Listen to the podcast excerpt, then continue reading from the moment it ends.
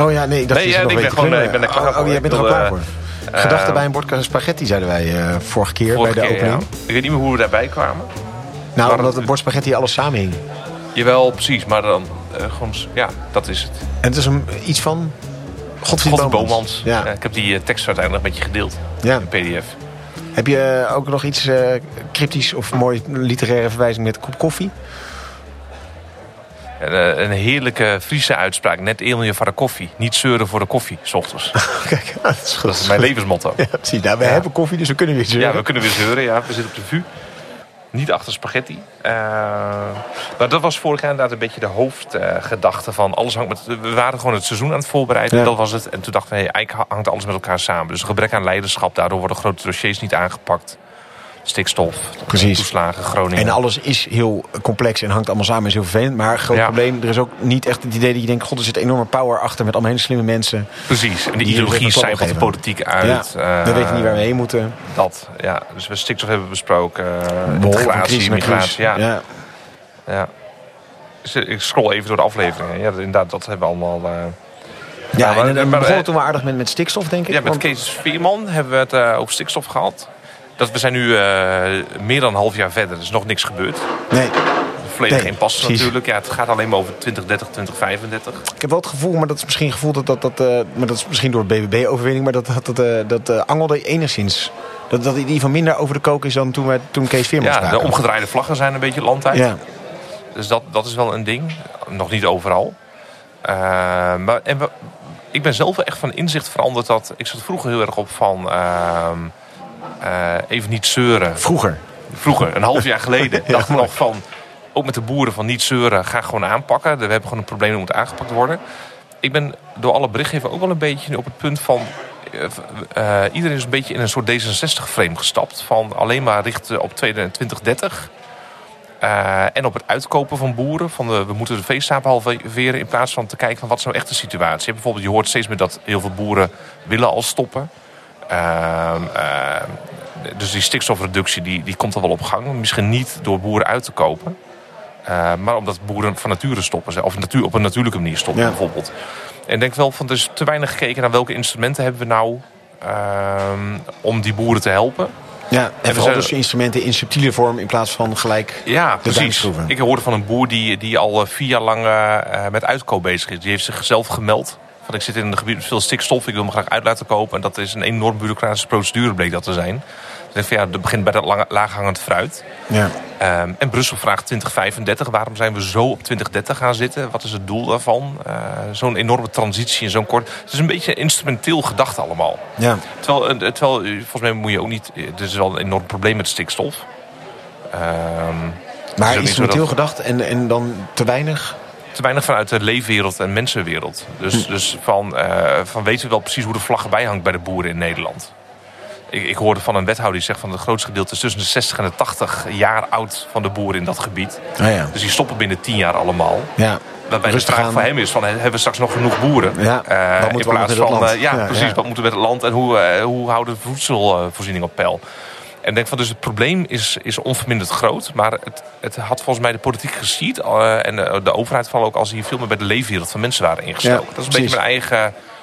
Dat inzicht heb ik zelf wel wat opgedaan de afgelopen paar maanden. Ja. Als ik naar een ander onderwerp wat we besproken hebben, dat de integratiedebat. Dan denk ik wel dat daar de, de hype en de heigerigheid nog niet echt minder geworden is in de Nee. afgelopen tijd. Nu ook weer met de prognoses van hoeveel eh, vluchtelingen er aankomen. Eh, dus daar ben ik dan weer niet heel erg... Ik vond dat die podcast met Tamar de Waal eh, wel heel inzichtelijk. Ja, Over de hele... eh, on, sowieso onze begrippenvermenging die we Ja. toepassen. Over de conditionaliteit die we toepassen. En dat zo Ja. associeerde ik me een beetje op jouw punt. Van dat daar ook inderdaad het beleidsniveau en het menselijk niveau gewoon helemaal elkaar niet lijken te raken. Nee, en en ik denk dan- ook als we het maatschappelijk debat meer op het menselijk niveau zouden voeren, mensen ook veel logischere afweging zouden maken. Want dat investeren in mensen die statushouder zijn, die Ja. dus gewoon Nederlander zijn, ja. dat het onzin, onzinnig is om daar niet in te investeren. We investeren Ja. in onze kinderen, we investeren in allerlei dingen, Ja. leven lang leren. Maar als je hier uit een ander land komt en je hebt alle titel om hier te blijven, moet je nog steeds verrotten en eh, eindeloos uh, dat vind ik ook. En ik vind, ik vind het absurd eh, dat het begrip menselijke waardigheid zo weinig te sprake komt. Dus dat we alleen maar beheersmatig en cijfermatig op die aantallen zitten. Terwijl van ja, je, je moet ook iets met de nood in de wereld. En ehm, ik snap dat, dat we dat migratie kan niet onbeperkt zijn. Ook dat snap ik. Maar ik vind dat we daar te snel op zitten. In plaats van eerst ons van de echte dilemma's uh. En zeker dat Rutte nu alweer zegt van... ik kan niet garanderen dat de mensen in het uh, gras moeten slapen. Ja. Dat, ik bedoel, hij, die man heeft inmiddels echt een track record van uh, dingen niet oplossen. Ja, ik denk van je kunt toch ook eens een dossier wel in jezelf in vastzetten en zorgen dat het opgelost wordt. Ja. Groningen sleept, stikstof sleept, asiel sleept, toeslagenaffaire sleept. En hij zegt, ja, ik kan niet garanderen dat... Ik vind dat, dat vind ik een stuitende nee, trek. garanderen is dan ook weer niet nodig, Ja. maar... eh, Nee, ja. precies, maar wel eh, een soort... Maar dat, dat hangt misschien samen met die aflevering met Sander Schimmelpenninck... over het leiderschap van de tegenwoordig. Precies. Komt daar alles niet terug, was de vraag. Ja, dat, dat, er, dat er onvoldoende leiderschap is. En mensen die echt goede grote kwaliteit hebben. Ja, goed, ik denk wel dat Rutte echt een zeer capabele man is. En die dus zeer goed is in het manoeuvreren in al deze moeilijke paardjes. Het feit dat je al zo lang overleeft. En zoveel crisis na crisis Ja. allemaal doormaakt. En toch elke keer blijft zitten. Dat is natuurlijk een, een buitengewone specifieke Ja, kwaliteit. of wat zegt het over ons en onze tijd? Ja, dat is de andere kant. Of wat Dus nou dat is de veel- cynische, Ja, ja, ja, eh, of wat, is, nou, wat zegt het over onze tijd dat dat een hele goede kwaliteit is nu vandaag. Ja, dag. en, en dat we gewoon iemand laten zitten die dus duidelijk liegt. ja. Eh, en die over hem weg. Ik zag, ik zag van de week nog een fragmentje. Dat hij eh, is een paparasjes aan het bladeren is met Groningen. Dat hij zegt, ja, de grote, het grote geheim van dit vraagstuk is waar is die memo gebleven. Een bepaalde memo waar, die, waar hij dan Maakt die commissie een geen...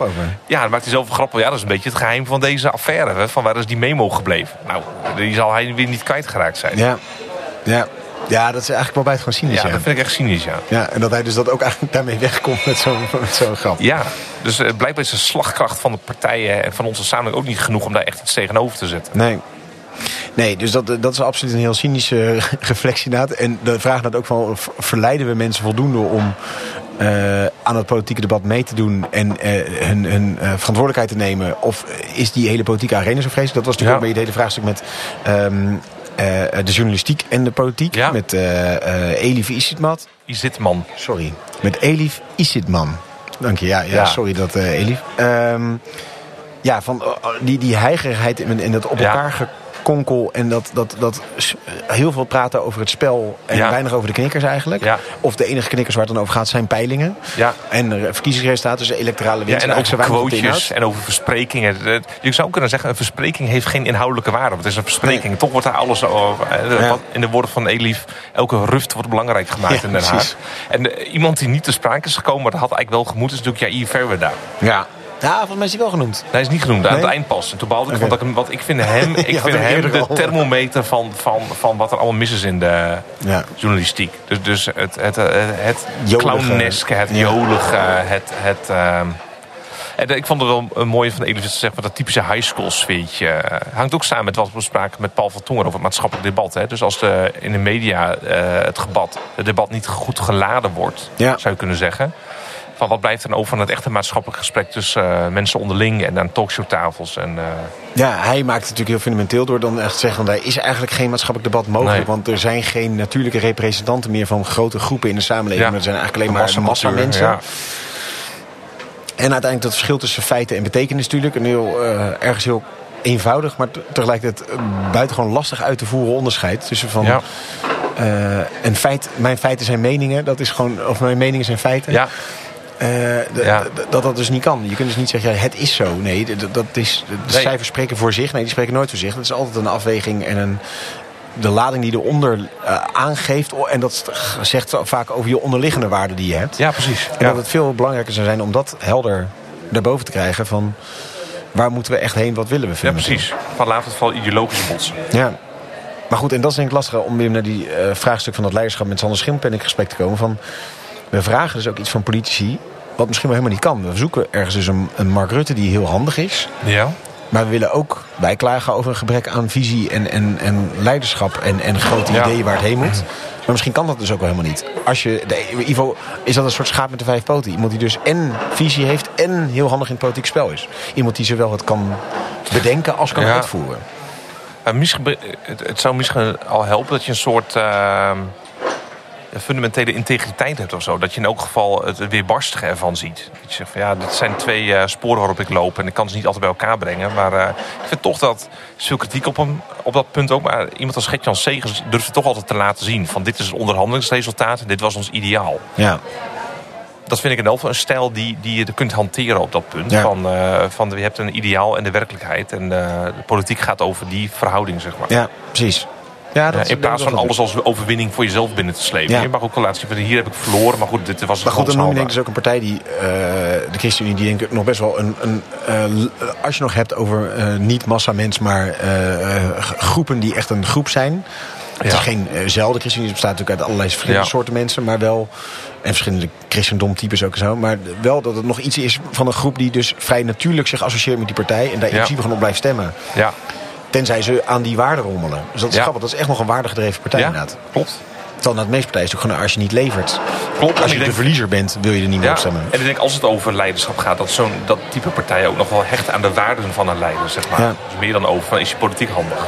Ja, en dat is natuurlijk met het hele het thema wat we met PG Kroeger bespraken... van die, dat politieke landschap wat aan het diggelen lag. Ja, Eh, dat hij sowieso zegt, ja, vers- versplintering is van alle tijden. Het is eigenlijk juist meer dat die eenheid eh, Ja. en die grote machtsblokken uniek zijn. ja, Maar goed, toch eh, kun je niet denken omheen dat er wel een andere oriëntatie van politiek nu is. Dus Ja. dat, dat het eh, veel sterker op dit individu hangt. Dat heeft natuurlijk ook gewoon nieuwe media bieden ook steeds meer mogelijkheden toe om dat Ja. persoonlijke uit te venten. ja, Ook in conflict met anderen, dus dan Klopt. de anderen ook weg te zetten. Dus identiteitspolitiek zowel in aantrekkende zin als in afstotende zin van anderen. ja. eh, De veel is een D66er vijandbeeld, is ook een soort ultiem ja. vijandbeeld voor heel rechts. Nederland, zeg maar.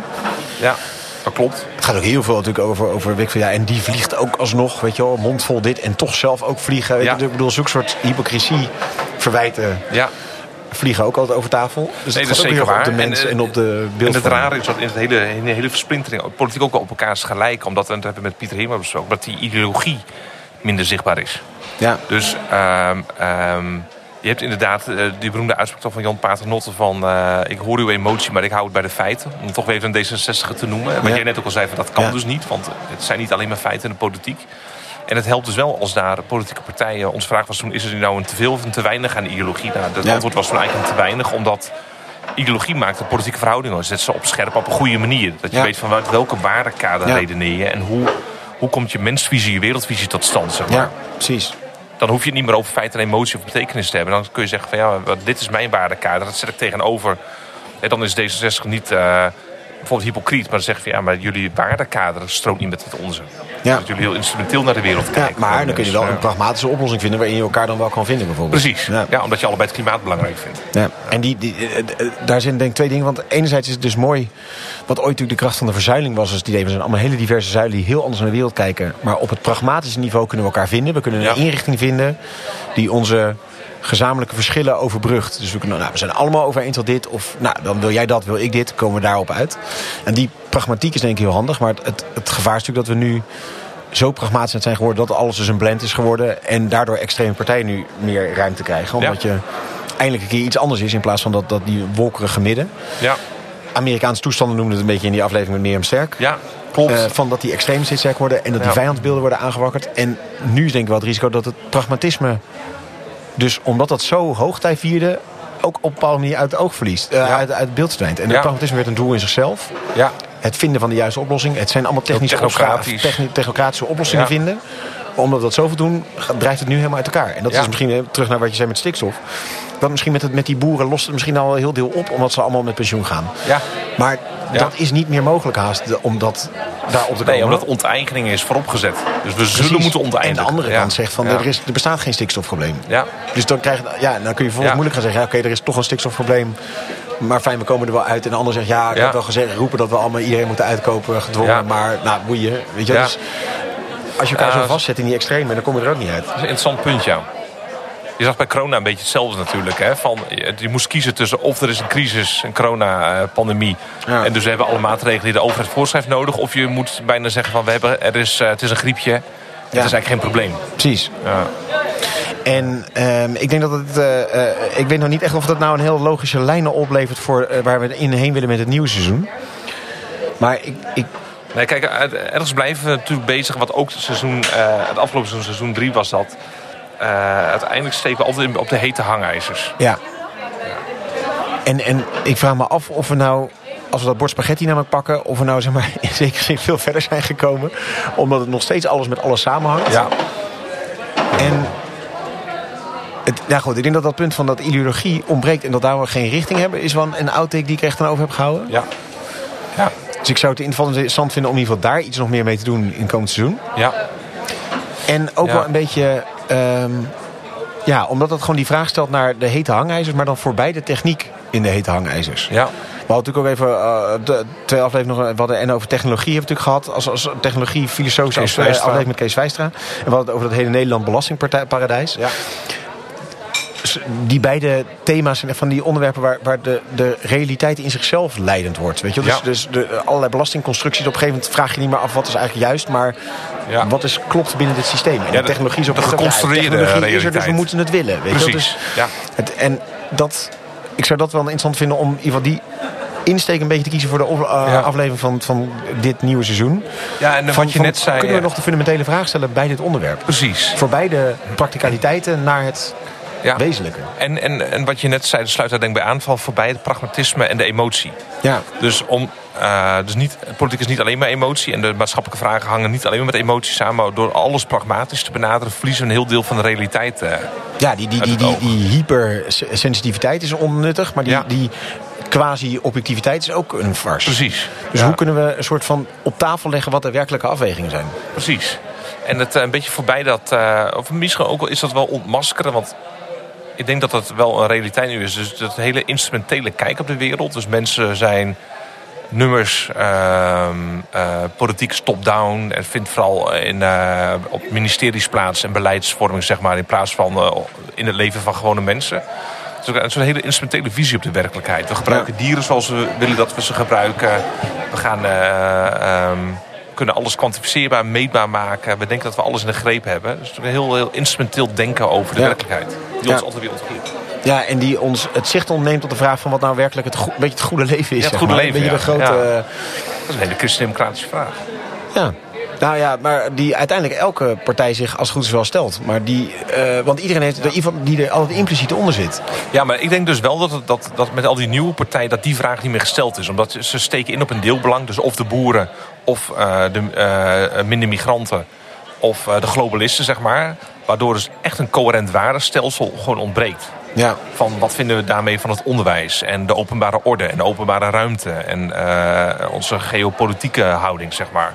En dan heb je toch wel een, set... En dat is volgens mij de tragiek van dat het CDA en PvdA nu zo slecht doen. Niet om de partijen, maar om de ideologie die ze eh, eh, zouden moeten representeren. De sociaal- en de christendemocratie. Omdat Ja. je echt een visie hebt op mens, samenleving, internationale politiek. Ehm, dat is echt wel... Het, het- ik denk dat het, het hele dominant is nu het liberalisme tegenwoordig in een bepaalde vorm. Ja. En die heeft geen goed tegenwicht nu. En die klassieke politieke stromingen zouden een soort balans kunnen vormen. En dat verliezen we doordat al die splinterpartijen...